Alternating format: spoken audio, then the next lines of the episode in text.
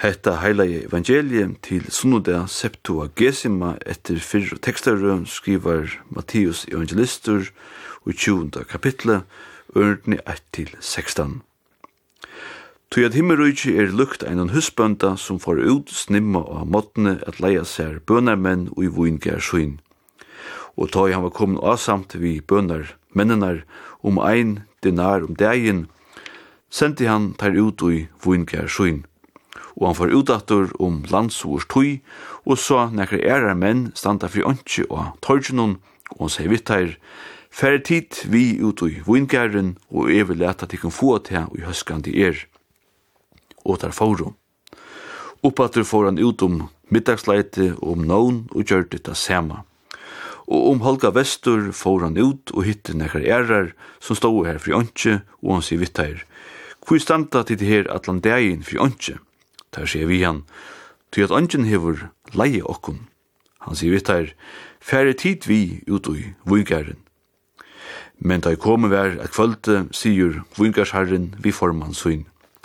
Råpa bønermennar inn og få teimun lønna, og legg fire vid teimun seinastu, og sujan til der fyrstu. Og teir bytne våre om Holga Vestur komo og finko ein dinar kvör. Men ta det fyrste kom og hilde der seg færa få meira, og teir finko eisne ein dinar kvar. Men ta det finko han, ilkjentus teir vi husbøndan og hilde fire. Hesir seinastu hava ikkje arbeid meira enn ein tøyma, og tu hevur mett teir jamt vi okkun som bor i hava dagsins svarta og møye. Men han sverra i og sier vi ein terra, Vine moin, jeg gjerre ter ongan årat er du ikke kommet avsamt vi med om ein dinar. Tek du tutt og fær hiane. Men jeg vil gjeve hesson seinasta luka vi te, etla her vi ikke løyve a gjerra vi mutt som vi vil. Etla er eia tutt ilt fyrir te at jeg er gaur. Sålai skulle ta seinasta vera være fyster, og ta fyrst og seinastur, til at mong er kalla, men få er utvalgt. Ein søva sier okkun alltid er sindir om kvien hun kjemur, og luknelse, som er prætik og tekstur til morgen, sier okkun er sindir om hvordan arbeidsvirskiftene heva veri ui Palestina om ta tøyina, ta okkara tøyarokning byrjar. At det kanskje hever veri så som så vi arbeid, at det var bruk fyrir meira arbeidsmeie, ja, så stå folk, eller flere folk, til reier ui, ui, ui, og vini hevur nekva sia ui biblene, først okkum damar det etla ikkje. Sambart Johannes var vin under i kana, ta fyrsta tja Jesus, og det er heldur ikkje tilvild at vin er ui kærleikjennom, ta vid færa til altars. Og longu tja Jesaja profete, veru Israels folk samanbore vi ein vuin kær. Men så er det at vi skulle leggja til mestis gusse tekstrin byrjar. Han byrjar ikkje vi at Jesus sigur gus vi skulle avgreia okkara innan husets virskifte her i hjørne. Han byrjar heldur ikkje vi eina for verta.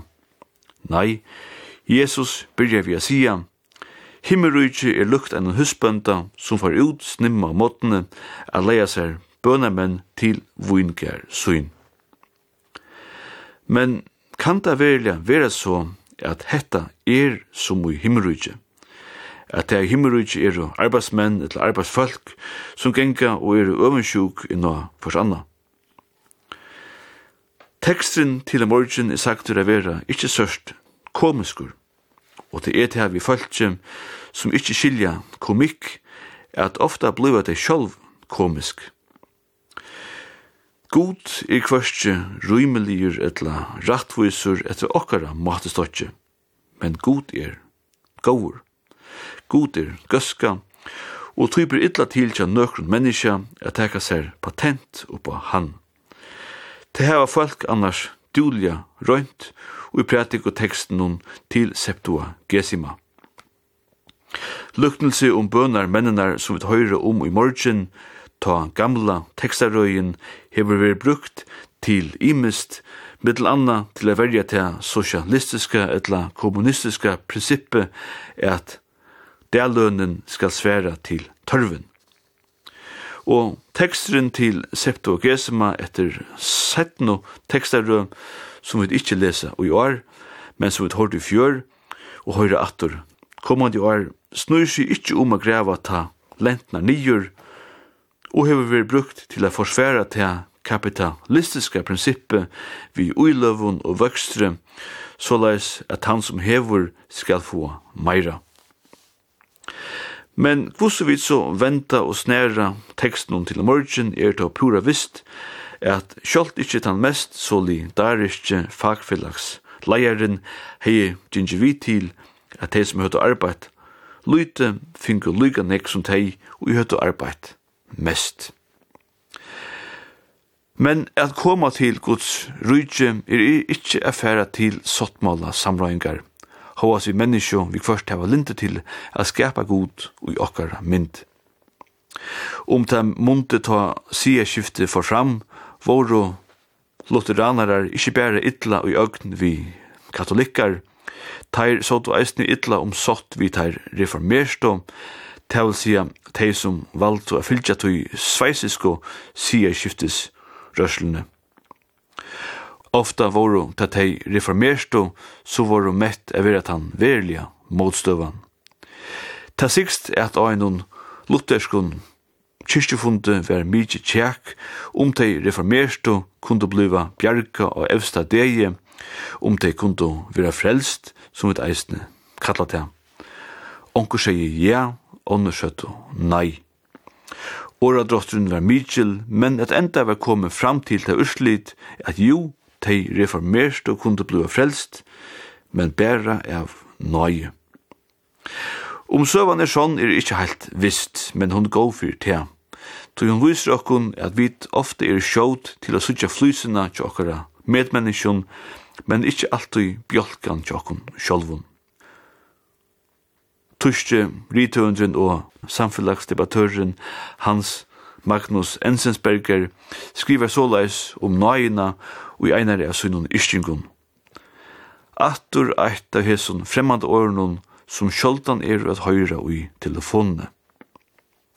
Og det hever han pura ratt ui. År nøye er nok ikkje det fyrsta vid renna kun ui om vid færa ut ui gjerandes degin. Og det er ganske langt som best, tog som så er nøyen om man fyrir okkara gjerandes deg. Det hovast år nøye ikkje kjemme fire i pratik og teksten til i morgen, så er det just her som han snur seg om. til er det som skal til, og til er det som Paulus sier i 17. k rintbrevet om god, nøye mun er ter no mykje. Og til galdande for ødel, bei protestantar, katolikkar og ortodox, og så framvegis.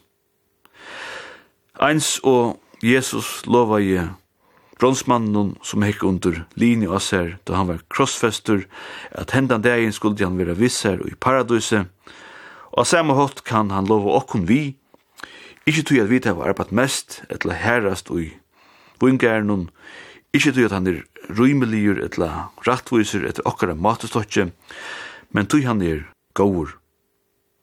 Etla som husbønden og i lukkelsen hun sjolvur sier til, er eia tutt ilt fyrir til, at jeg er gaur. Hvor skal sia, færa vit illa av at god eisne gaur vi okkara nasta. Teir seinaste skulle jo vera fyster, og teir fysto seinaster, ty mong er kalla, men fa utvöld, som ut høyra i prætik og teksten til i morgen. Hesen seinaste setningren stender ikkje dem eldste handriten, men er helst tidsin fra Matteus 22, 14, tveir kapitlar longri attere. Og så er det kanskje onkur av lustrarnon som sitter etter og spyr kvui atlare vui ver sunnodaverne morgen eitir septua gesima. I åri er latuin og merskir tan halvfjersens tjúndu davren talsia leiardavren fire postur. Og sjøkjen til at luktnelse om vinkars mennenar er prætik og tekster til morgen er tann, at ui fond kyrkjene var førstetøyen brukt til dopsfire reitsing. Sunnoda septua gesima komotair nutjo dopskanti datanir i kyrkjo at byrja fire reitsinganar. Her møttu hese fæltsjene taimon meira garva og gomlo kristnum, de som møtte vir kristin og gjerne tøy, som møtte strust og strevast og herrans tænastu, og kanskje oppliva forfylking og ærar, rævleikar og langre tøy, ja, kanskje alt løyve. Te gamle kristne kunne kanskje i hese støvne finne på at møte dem og nudjo vi at gjøre dem årat.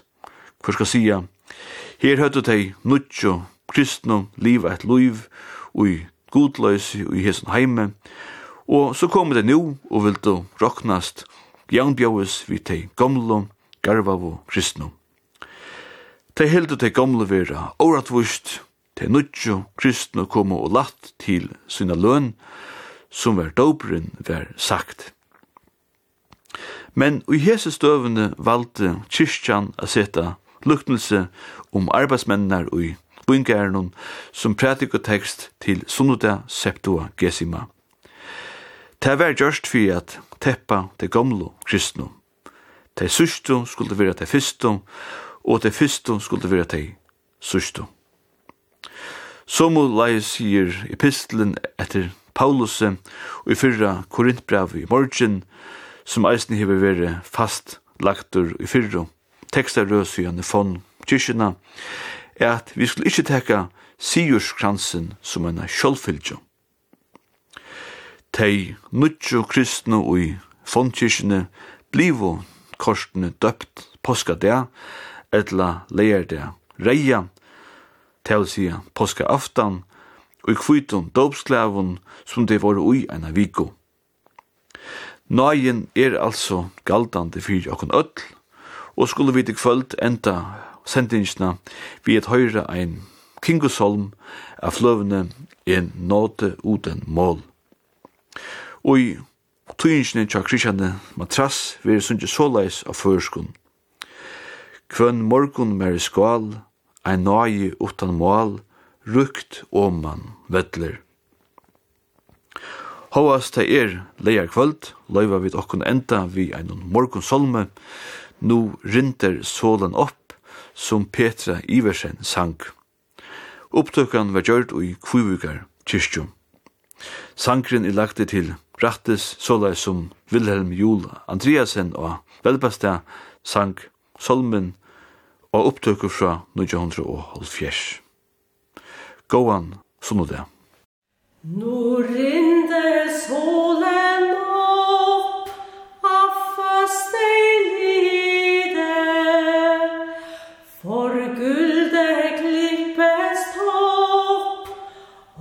bjerge sin.